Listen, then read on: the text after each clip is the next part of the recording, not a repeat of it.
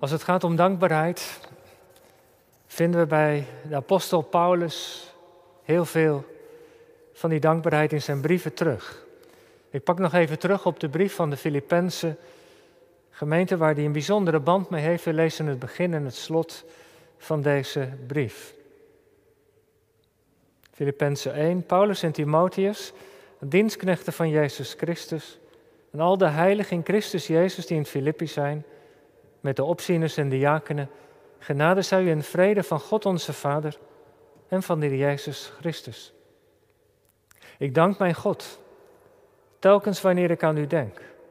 In elk gebed van mij voor u allen bid ik altijd met blijdschap vanwege uw gemeenschap aan het evangelie. Van de eerste dag af tot nu toe. En ik vertrouw erop dat Hij die in uw goed werk begonnen is, dat voltooien zal, tot op de dag van Jezus Christus.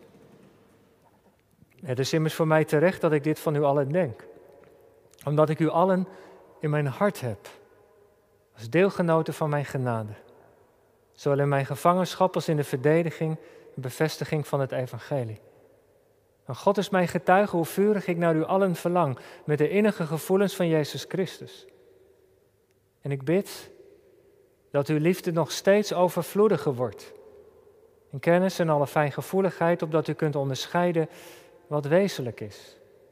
Opdat u oprecht bent en zonder aanstoot te geven tot de dag van Christus, vervuld met vruchten van gerechtigheid, die door Jezus Christus zijn tot heerlijkheid en lof van God. En dan uit hoofdstuk 4 vanaf eh, vers 10 schrijft de apostel, ik ben zeer verblijd geweest in de Heer dat uw denk aan mij eindelijk weer opgebloeid is. En u hebt ook wel steeds aan mij gedacht, maar u hebt niet de gelegenheid gehad om het te tonen. En niet dat ik dit zeg vanwege gebrek, want ik heb geleerd tevreden te zijn in de omstandigheden waarin ik verkeer. En ik weet wat het is om vernederd te worden. Ik weet wat het is om overvloed te hebben. In elk opzicht en in alles ben ik ingewijd. Zowel in verzadigd zijn als in honger te lijden, zowel in overvloed te hebben als in gebrek te lijden. Alle dingen kan ik aan, door Christus die mij kracht geeft. Maar toch hebt u er goed aan gedaan dat u gedeeld hebt in mijn verdrukking. En ook u, Filippenzen, weet dat in het begin van het evangelie, toen ik uit Macedonië vertrok, geen enkele gemeente mijn deelgenoot werd. In rekening van uitgave en ontvangst, dan u alleen. Want ook in Thessalonica hebt u mij een en andermaal iets gestuurd voor wat ik nodig had. En niet dat ik de gave zoek, maar ik zoek de vrucht die op uw rekening toeneemt. Maar ik heb alles ontvangen en ik heb nu overvloed. Ik ben geheel voorzien nu ik door middel van Epaphroditus ontvangen heb wat door u gezonden was. Als een aangename geur, een welgevallig offer, welbehagelijk voor God. Maar mijn God zal u overeenkomstig zijn rijkdom voorzien van alles wat u nodig hebt. In heerlijkheid. Door Christus Jezus. Onze God en Vader, nu zij de heerlijkheid in alle eeuwigheid. Amen.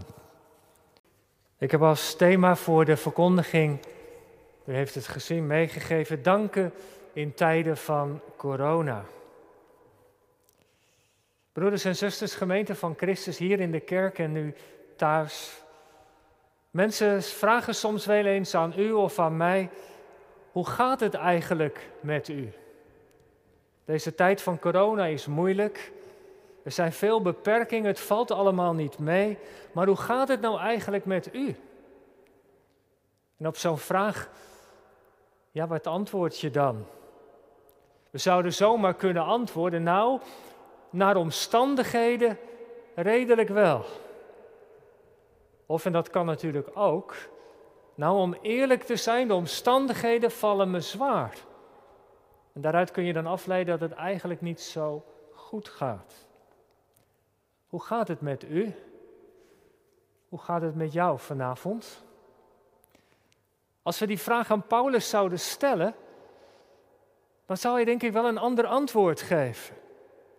Paulus in hoofdstuk 2 zegt, als ik naar de omstandigheden kijk, dan heb ik droefheid op droefheid. Hij zit in de gevangenis. De toekomst is onzeker. Hij zou het met de dood kunnen bekopen. Epaphroditus, die naar hem toegestuurd was, kon niet komen, is notabene erg ziek geweest, op sterven na. Als ik naar de omstandigheden kijk, droefheid op droefheid, zegt Paulus. Naar de omstandigheden niet zo goed. Maar wat zegt hij? Ook word ik als een plengoffer uitgegoten, ook al gaat alles in mijn leven anders. Ik verblijd mij. En ik verblijd mij met u allen. Ik verheug mij in de Heer. Dat is andere taal. Met andere woorden, Paulus kijkt niet naar de omstandigheden, maar die kijkt naar de Jezus, naar zijn heiland. Paulus kijkt naar de genade van God en hij voelt zijn hart volstromen met dankbaarheid. En dankbaarheid is de grondtoon in het leven van de apostel in veel van de brieven die hij schrijft. En zo begint hij ook deze brief. Ik dank mijn God voor jullie allemaal. Telkens wanneer ik aan jullie denk. En hij doet het niet alleen hier, hij doet het in veel meer brieven. Ik heb ze eens even opgezocht. In de Romeinenbrief begint hij ook aan het begin. Allereerst nu dank ik mijn God. Korinthebrief, ik dank mijn God altijd. Filemon, ik dank mijn God. Heel veel van de brief van apostel Paulus, het eerste woord naar de opschrift is, ik dank mijn God. Dat is in zijn leven, je zou kunnen zeggen, een rode draad, een refrein. Ik dank mijn God. En weet u, dat raakt mij. En ik denk dat ik geen woord te veel zeg als ik zeg dat het voor ons allemaal een moeilijke tijd is. Het coronavirus beperkt ons zo in ons doen en laten. U bent hier vanavond, maar zo anders dan op een andere dankdag met, zonder corona, met veel meer mensen. Het gewone contact, een hand, een knuffel, een omarming bij iemand van wie je houdt, die, even een bemoediging nodig heeft. We doen het niet, want we zijn voorzichtig. Hoe lang gaat dit duren? Hoe houden we elkaar als gemeente vast? De beperkingen, als je wilt gaan trouwen of als een geliefde overleden is en de begrafenis komt eraan, al die beperkingen, het valt niet mee. En als je dan de krant leest of het journaal, zomaar een gevoel van somberheid kan je overvallen. Ik weet niet hoe dat bij u of jou is, maar ik heb daar wel eens last van. En is het vandaag dankdag voor gewassen arbeid. De Bijbel spoort ons aan om de Heere God te danken. Hij is het waard. We hebben ons leven van de Heer Jezus te danken, zeker.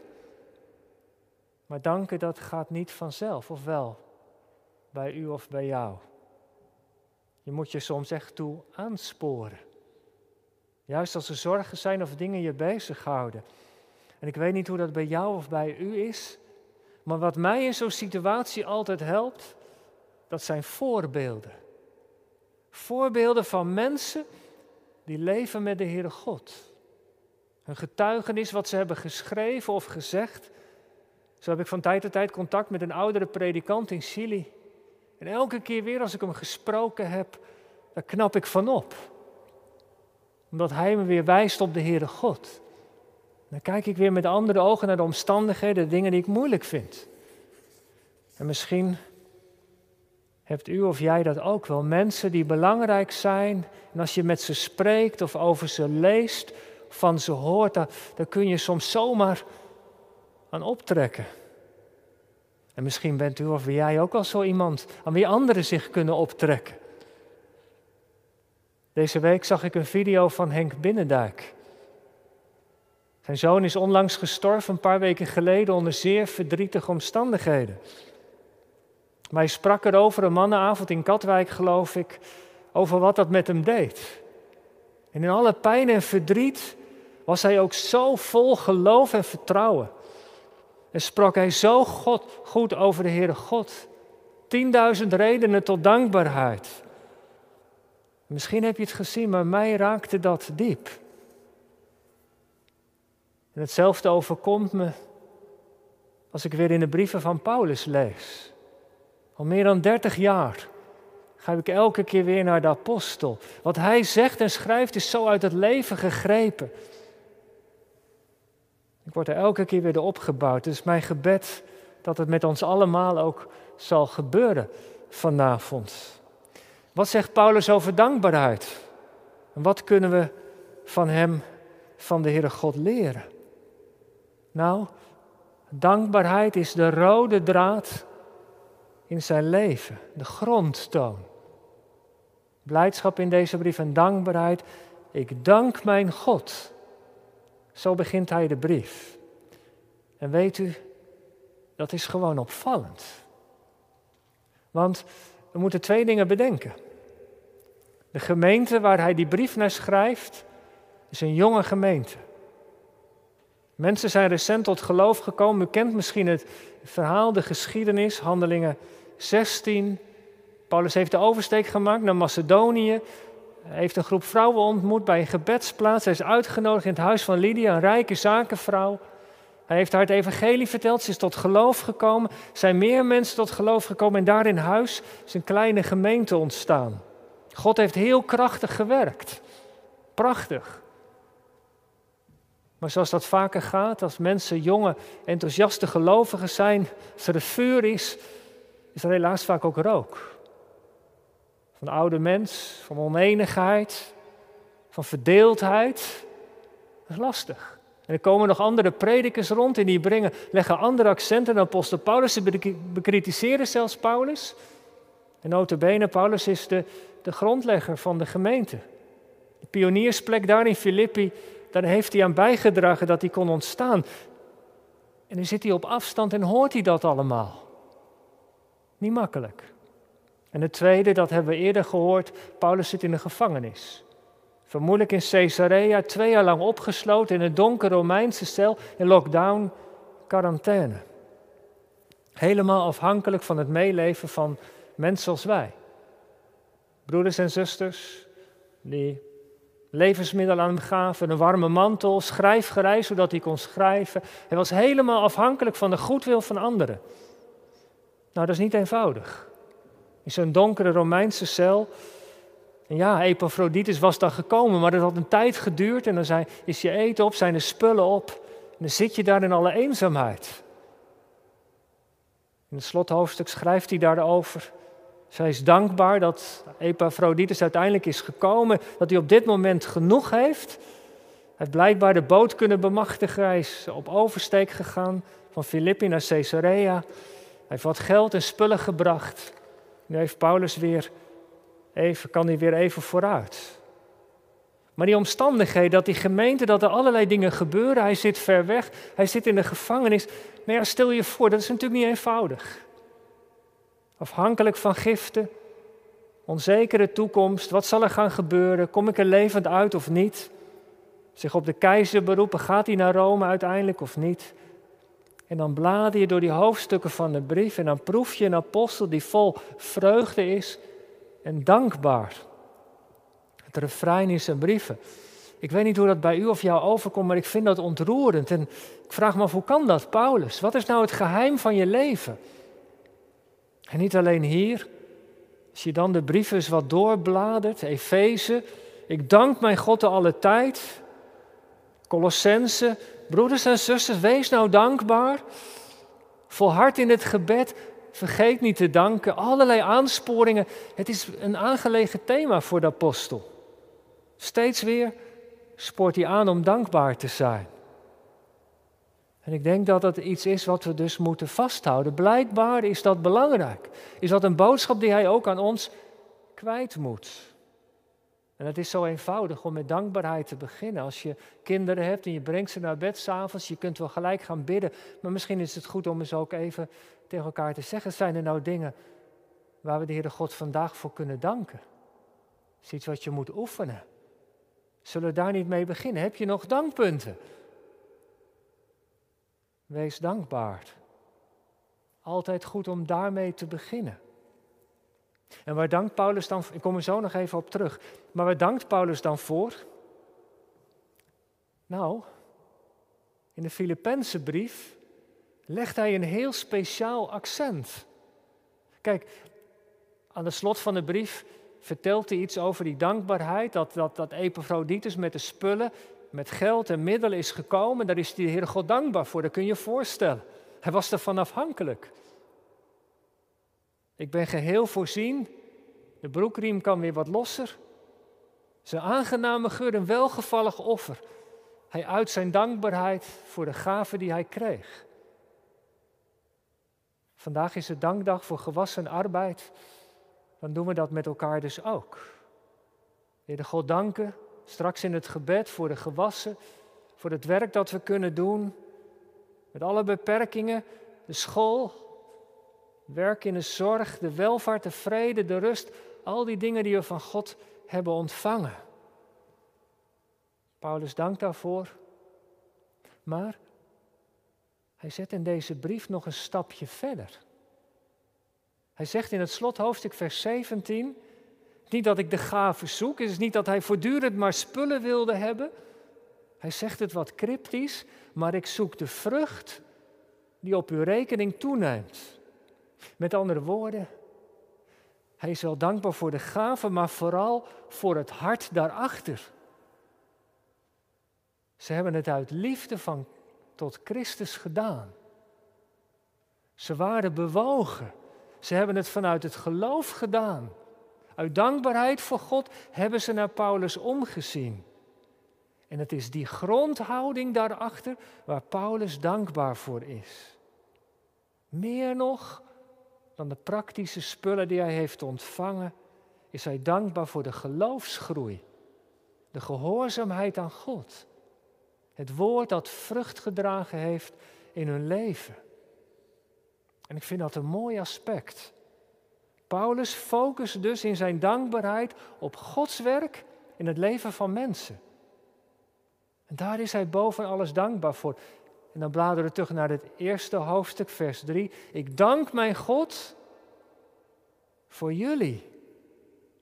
Voor de gemeenschap, de koinonia aan het evangelie. Ik dank God dat jullie de Jezus hebben leren kennen en lief hebben. Hij is dankbaar dat er in die stad Filippi een gemeente is ontstaan rond het huis van Lydia. Dat er mensen zijn die van de Jezus houden. Dat ze zich door de geest willen laten leiden. Daar op die plek, in die Romeinse stad. Hij dankt voor Gods werk in de harten van jong en oud. En Paulus weet zich zo betrokken op de mensen daar in Filippi. Hij zegt, ik draag jullie allemaal in mijn hart. Dat is de plek waar de Heilige Geest woont, dicht daarbij. Hij heeft ze lief, zegt hij, met de innige gevoelens van Christus. Ik dacht, wat mooi is dat. Om op deze dankdag te danken voor de gemeente. Dat Gods geest ook onder ons aan het werk is. Dat we met de ogen van de Heere God naar de gemeente kijken. Nou, dat is best een oefening. Dat valt niet altijd mee. Toch? In tijd van corona valt ons dat soms zwaar. Ik merk ook bij mezelf dat je gauw moppert op dingen die niet goed gaan. Als het niet loopt zoals is afgesproken. Als we merken dat we mensen of jongeren kwijtraken of niet kunnen vasthouden, vind ik moeilijk. En u of jij misschien ook wel. Doet me pijn. Maak ik me zorgen over. En die zorgen moeten we ook adresseren. Zeker, moed, leiderschap, betrokkenheid is nodig. Maar van Paulus leer ik dat dat gebeurt vanuit de dankbaarheid. Ik dank mijn God voor de Sint-Jansgemeente zou Paulus zeggen als hij hier vanavond staat. Voor de Bijbelkring waar ik aan mag meedelen, voor de lefkring, voor de jongeren die ik heb op de club, voor de open kerk, voor de wijk waarin ik ouderling of ambtsdrager mag zijn of bezoekzuster. Van Paulus leer ik dat dankbaarheid mijn leven hoort te stempelen. En ik denk, broeders en zusters, dat we dit ter harte moeten nemen de mails, de reacties op Facebook, Twitter, sociale media. Wat kunnen mensen soms hard zijn in hun kritiek? Zo fel. Maar als we starten met dankbaarheid, dan verandert de toon. Paulus helpt ons om met de ogen van de Heere God te kijken naar wat er wel is in de eerste plaats. En als je dat doet, dan verandert de toon. Dan zet dat de toon. Nee, dat betekent niet dat alles bij het oude hoeft te blijven, dat de dingen niet beter kunnen. Nee, dat, dat zegt Paulus niet. Kijk maar even naar vers 9. Hij is dankbaar. De liefde van God is aanwezig. Gods geest is aan het werk. Maar wat zegt hij nou in vers 9? Ik bid. Vanuit die dankbaarheid bidt Paulus dat die liefde nog meer overvloedig was. Er is daar in Filippi nog heel wat te groeien, nog heel wat te wensen. En dat is in onze Sint-Jans gemeente natuurlijk ook zo. En blijkbaar was dat nodig. De liefde van Christus was er. Er was onderlinge gemeenschap en verbondenheid. Maar hij bidt dat die liefde nog steeds meer zichtbaar wordt. In de gemeente, in de relaties met elkaar, hoe we over elkaar spreken, hoe we met elkaar spreken. En natuurlijk ook naar buiten toe. De gemeente bevond zich in een Romeinse stad, in het Romeinse Rijk, met al die conflicten en die zorgen. En dat de gemeente daar ook haar plek zou innemen. Wij zouden zeggen de plek in de stad Gouden. Dat we bekend zullen zijn. Sint-Jans gemeente, dat is de gemeente waar ze elkaar lief hebben. En je komt er binnen en je proeft de liefde van Christus. Want, zegt Paulus, als je die liefde één keer hebt geproefd in je leven, die liefde die smaakt naar meer. Jongens en meisjes, meisjes, ik weet niet of je thuis meekijkt, maar nou, je bent hier vanavond, maar je kent het wel. Iets wat heel lekker is, hè? zo'n reep chocola. Witte chocola met noot en rozijn of met andere dingen erin. En je neemt er een stukje van. En dat is zo gevaarlijk. Want je neemt nog een stukje, nog een stukje en die reep die is op voordat je het weet. Als je iets hebt geproefd, het smaakt zo naar meer. Nou, dan kun je wel begrijpen. Nou, Paulus zou zeggen, dat is het nou ook. Als je nou de Heer Jezus kent en de liefde van Christus, dat smaakt naar meer. Daar wil je meer van hebben, daar wil je meer van zien om je heen. Want waarom is die liefde van Christus nou zo bijzonder? Dat is die liefde die je aanvaardt. Dat is de liefde die je vergeeft. Als je de plank weer eens hebt misgeslagen. Dat is die liefde die, die je draagt door die moeilijke periode heen. Dat is de liefde van Christus. Die, die, die moeilijke omstandigheden kunnen ons niet van die liefde scheiden, zegt dezelfde apostel. Ja, die liefde is zelfs sterker dan de dood. Ik ben er dankbaar voor. Die liefde van Christus is zichtbaar, maar ik bid dat die nog overvloediger zal zijn. Vanuit die dankbaarheid, en dat doet Paulus dus, van die dankbaarheid verlangt hij naar meer. Meer liefde. Meer onderlinge verbondenheid. Meer de gezindheid van Christus. En zo is het als je de genade van God aan het werk hebt gezien. Als je ziet hoe levens veranderen. Als het goed is, verlang je ernaar dat dat doorwerkt. Want dat is zo bijzonder. Toch? Heb je maar één verlangen dat dat doorgaat.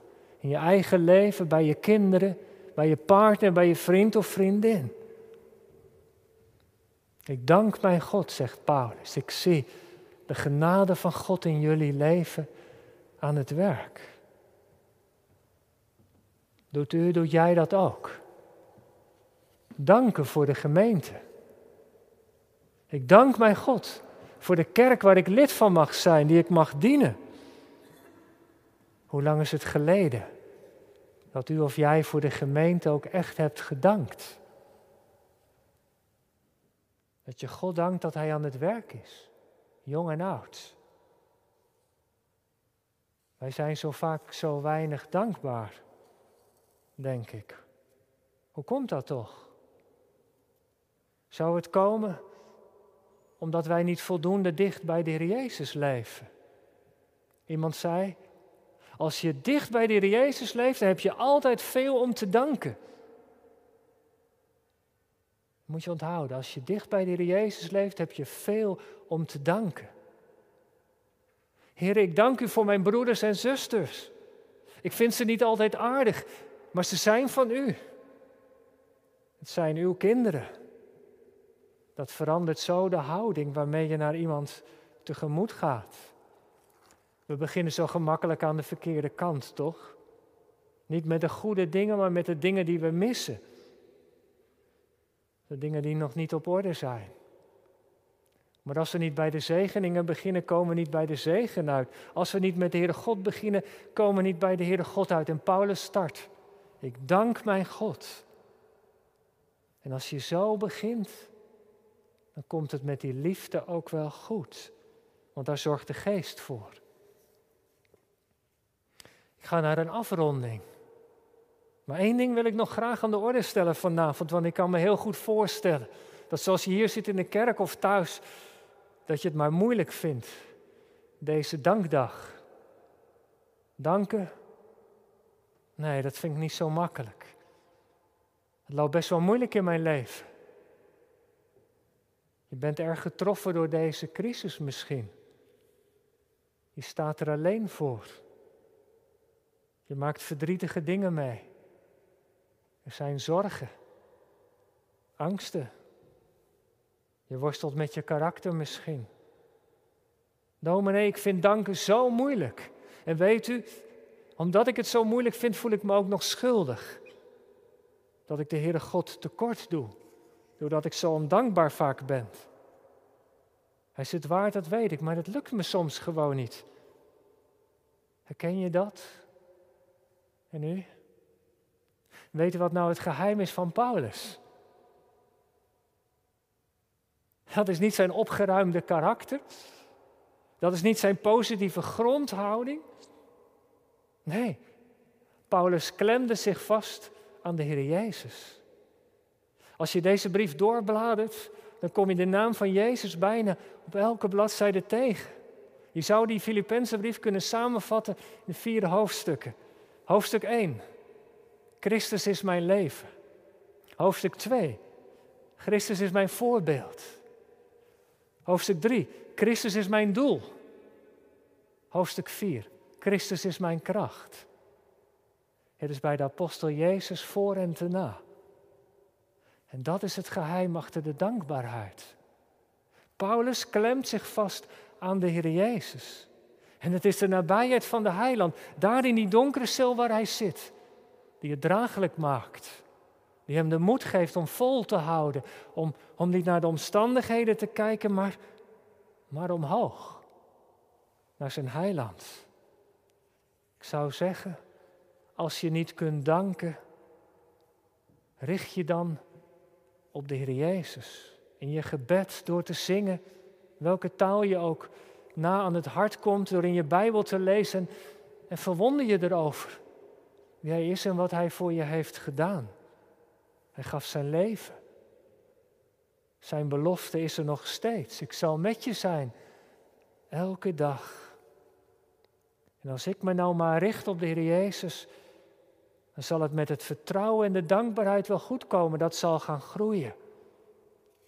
Ja, dan kan er zomaar een moment komen dat je het apostel naast zegt, weet je. Ik dank mijn God in je persoonlijke gebed.